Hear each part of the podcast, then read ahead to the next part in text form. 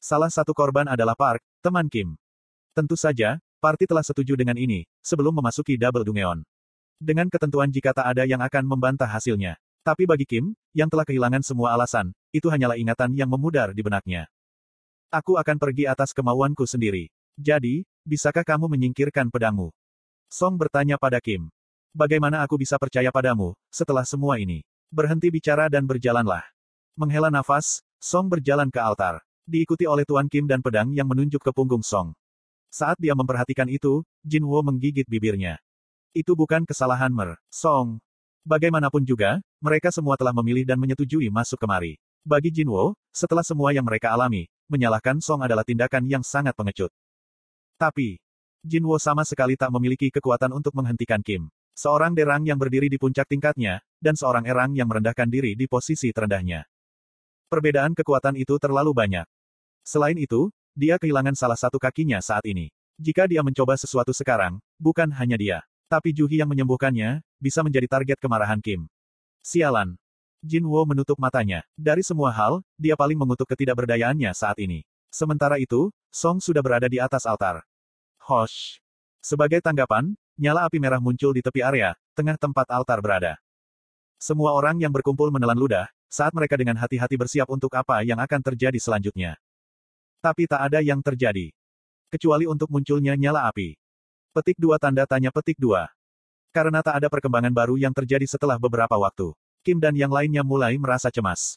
Hei, Tuan Sung, ada apa ini? Kim bertanya pada Jin Wo. Aku tak yakin. Jin Wo mengharapkan perintah ketiga dipenuhi, ketika seseorang naik ke atas altar. Apakah itu tak meminta pengorbanan? Iya, itu bukan berita buruk bagi Jin Wo. Jika teorinya tentang pengorbanan salah, maka ada kesempatan untuk menyelamatkan Song. Wajah Jin Wo menjadi cerah. Saat dia berjuang untuk bangun, Jin Wo meminta dua hunter yang berdiri di dekatnya untuk membantu. Bisakah kalian membantuku pergi ke altar? Jin Wo, lukamu. Ju Hi juga berdiri dengan Jin Wo. Setelah menghabiskan sebagian besar mananya, penampilannya pucat dan lemah. Berkat bantuannya, Jin Wo setidaknya bisa mengatasi rasa sakit dari luka-lukanya. Aku harus bergegas.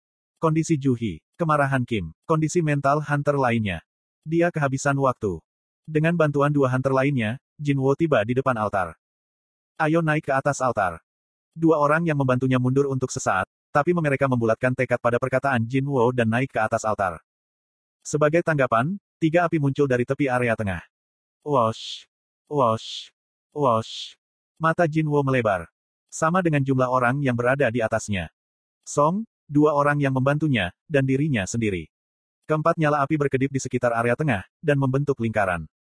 Melihat penempatan mereka, kita hanya perlu dua lagi untuk membuat lingkaran lengkap. Jadi, sepertinya orang-orang yang tersisa harus naik ke atas altar. Apakah kamu pikir seseorang akan datang untuk menyelamatkan kita, jika kita menunggu? Jin Wo bertanya pada Song. Song menggelengkan kepalanya. Hari ini menandai hari ketujuh, sejak guides ini dibuka. Sebelum bala bantuan datang, patung-patung itu mungkin akan bergerak lebih dulu. Untuk Get Derang, mereka benar-benar meninggalkannya sendirian terlalu lama. Iya, itu asosiasi. Setelah semua, Get akan terbuka penuh, setelah tujuh hari. Adalah tugas Hunter untuk mencegah hal itu terjadi. Untuk menutup Get dengan membunuh bos yang ada di dalamnya. Itulah tujuan sebenarnya dari Right. Jika mereka gagal melakukannya pada waktunya, semua monster di dalam Dungeon akan mendapatkan kebebasan untuk keluar dari Get dan mengamuk di bumi. Jin Wo melihat sekelilingnya. Patung besar tetap ada di kursinya, memandang ke bawah pada kelompok mereka dari kejauhan. Jika benda itu dibiarkan pergi dari sini, dia tak bisa membayangkan apa yang akan terjadi. Tentu saja, parti mereka akan menjadi yang pertama dibantai, jika patung-patung di ruangan itu mendapat kebebasan untuk bergerak di luar gate. Jadi, Jin Wo menyadari jika mereka tak bisa begitu saja meminta bantuan. Jin Wo memanggil Juhi dan Kim. Bisakah kalian berdua juga datang ke sini? Ju Hi mengikuti instruksinya. Bahkan, Kim yang ragu-ragu dengan cepat mengikuti. Dua api lagi muncul, dan itu menyelesaikan lingkarannya. Wash. Para hunter tersentak. Hah? Apa yang terjadi? Seperti yang diharapkan Jin Wo, sesuatu sedang terjadi. Ini dia. Dari lingkaran terluar area tengah, api biru kecil mulai muncul. Satu demi satu, mereka berkobar membentuk lingkaran di sekitar area tengah. 34, 35, 36, petik 1. Jinwo menghitung sekitar 36 api biru. Api merah yang cocok dengan jumlah orang. Api biru berjumlah 36 itu. Apa ada arti dari jumlah ini? Pada saat itu, Krik. Pintu yang menghalangi jalan keluar terbuka tanpa peringatan. Hunter yang tersisa tersentak untuk reaksinya. Ark. Setiap orang dari mereka ingin berlari ke arah pintu keluar. Tapi ingatan akan saat-saat terakhir dari seorang hunter yang mendekati itu, tetap segar dalam ingatan mereka. Sehingga, tak ada yang membuat gerakan. Mereka tak tahu nasib apa yang akan menunggu orang pertama yang meninggalkan altar. Seolah menunggu jawaban, semua tatapan mereka jatuh pada Jinwo, yang menutup mulutnya dalam diam. Petik dua titik titik petik dua. Masih terlalu dini untuk membuat kesimpulan. Apakah terbukanya pintu adalah jebakan atau apakah itu cara Dungeon untuk memberi tahu mereka? Jika mereka telah memenuhi perintah terakhir, dia sendiri tak tahu. Saat Hunter menunggu arahan Jinwo, suara-suara yang membawa kabar buruk datang dari tepi ruangan. Green. Slight. Kenam Hunter berbalik serempak dan melihat sekeliling ruangan. Apa-apaan ini? Mereka, mereka semakin dekat. Mereka semua baru saja bergerak. Napas para Hunter bertambah cepat. Patung-patung yang hanya menanggapi manusia yang berada di dekatnya, tiba-tiba tampak beberapa langkah lebih dekat dari sebelumnya.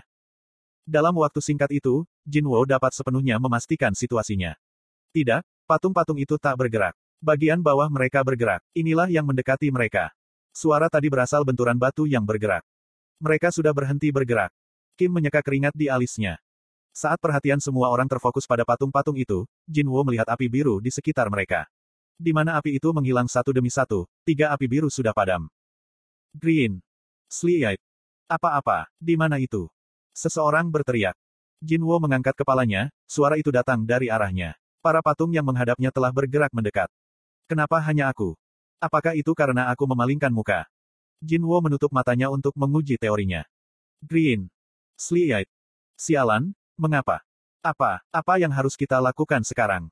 Dengan pemahaman baru, Jinwo berteriak kepada yang lainnya. Jangan palingkan mata kalian dari patung-patung itu. Sekarang dia memikirkannya, gerakan awal tadi mungkin disebabkan ketika semua orang melihat ke arahnya, untuk menanyakan tentang arahan selanjutnya. Patung ini tak akan bergerak, ketika kita menatap mereka. Api biru lain padam, tapi itu tak mendapat respons dari patung-patung itu. Mungkinkah? Tanpa mengalihkan pandangan dari patung-patung itu, Jinwo dengan hati-hati mengangkat tangannya dan melihat jam tangannya. Seperti yang aku pikirkan. Api biru akan menghilang setiap satu menit. Api biru adalah penghitung waktu. Jinwo menduga jika aturan perintah terakhir adalah untuk menunggu di atas altar sampai 36 api biru menghilang. Selama masing-masing dari mereka menatap semua patung, mereka akan aman. Ada kemungkinan tak ada yang harus mati dalam perintah terakhir ini. Jinwo memeriksa secara bergantian jam di tangannya, dan api biru untuk menentukan waktu yang tersisa. 30 tersisa, kita hanya harus menunggu selama 30 menit. Tapi, Jinwo telah melakukan kesalahan. Sementara dia menghitung api biru, dia telah memalingkan muka dari para patung. Dan dengan demikian, para patung mulai bergerak ke arahnya lagi. Green. Slight. Aku-aku tak bisa menahan ini lagi. Wanita yang berada di sebelah Jinwo menjerit dan berlari menuju pintu yang terbuka.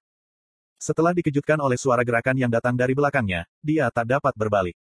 Wanita itu kehilangan keberanian dan membuat keputusan untuk berlari. Saat dia melompat dari altar, salah satu api merah menghilang. Tidak, jangan. Jin Wo berteriak. Tapi wanita yang berlari dengan semua itu mungkin mengabaikannya, dan dengan aman melewati pintu yang terbuka. Ah apa, Sung? Apa yang baru saja terjadi? Dia bisa keluar dengan aman. Petik 2. Jin Wo yang menatap ke arah pintu, tak tahu apa yang terjadi. Apakah ada yang berubah? Pintu, pintunya sedikit menutup. Apakah itu menutup sekarang? Tidak-tidak, itu mulai menutup sedikit tem setelah dia pergi. Tapi sekarang, pintu itu tak bergerak lagi. Petik 2. Jinwo teringat api merah menghilang, setelah wanita itu meninggalkan altar. Tentu saja. Pikirannya tenggelam ke perutnya. Teka-teki yang mengganggu pikirannya di atas altar, akhirnya mengungkapkan jawabannya. Bagian mana dari ini yang membuktikan, iman kepada Tuhan? Jawabannya datang kepadanya. Tapi, bagi pria yang hanya bisa berjalan dengan bantuan orang lain, itu adalah jawaban yang paling buruk. Pintu terbuka, adalah jebakan. Sebuah harapan palsu yang berada di depan mata mereka. Seandainya seluruh parti berlari menuju pintu keluar, setelah melihat pintu terbuka. Pintu akan segera ditutup dan parti akan berlari menuju pembantaian mereka. Sebaliknya, altar adalah zona aman. Jika mereka hanya menunggu di atas dan menunggu api biru sambil menatap para patung, itu akan menjamin keselamatan mereka. Harapan palsu yang bisa mereka lihat, melawan janji yang tak bisa mereka lihat.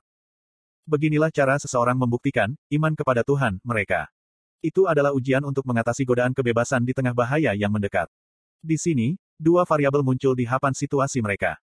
1. Kehadiran Jinwo. Alih-alih berlari ke pintu yang terbuka menuju malapetaka mereka, parti itu berhenti untuk mendengarkan Jinwo, agar mereka bisa menghindari kematian. Kita beruntung. Itu hanya mungkin, karena kehadiran seorang pria yang telah menyelesaikan dua perintah sebelumnya dan menyelamatkan hidup mereka. Dia mendapatkan rasa hormat dan perhatian mereka dalam proses itu. Tapi variabel kedua tak menguntungkan. Seseorang telah meninggalkan partinya untuk menuju ke tempat yang aman. Bagaimana orang-orang yang tertinggal bereaksi terhadap munculnya harapan ini? Jawabannya jelas. Pria yang mendukung Jinwo adalah orang kedua yang berlari keluar dari pintu yang terbuka. Song dengan cepat bereaksi dan menangkap Jinwo yang jatuh. Nyala api merah keluar dengan pelari kedua, dan pintu beringsut semakin dekat untuk ditutup. Hei, hei. Kim mengibaskan jarinya pada pelari kedua. Tapi pria itu, seperti yang pertama, dengan aman melewati pintu. Melihat jumlah api yang tersisa, Jinwo berteriak. Tolong jangan bergerak, kita tak bisa kehilangan orang lain lagi. Petik 2.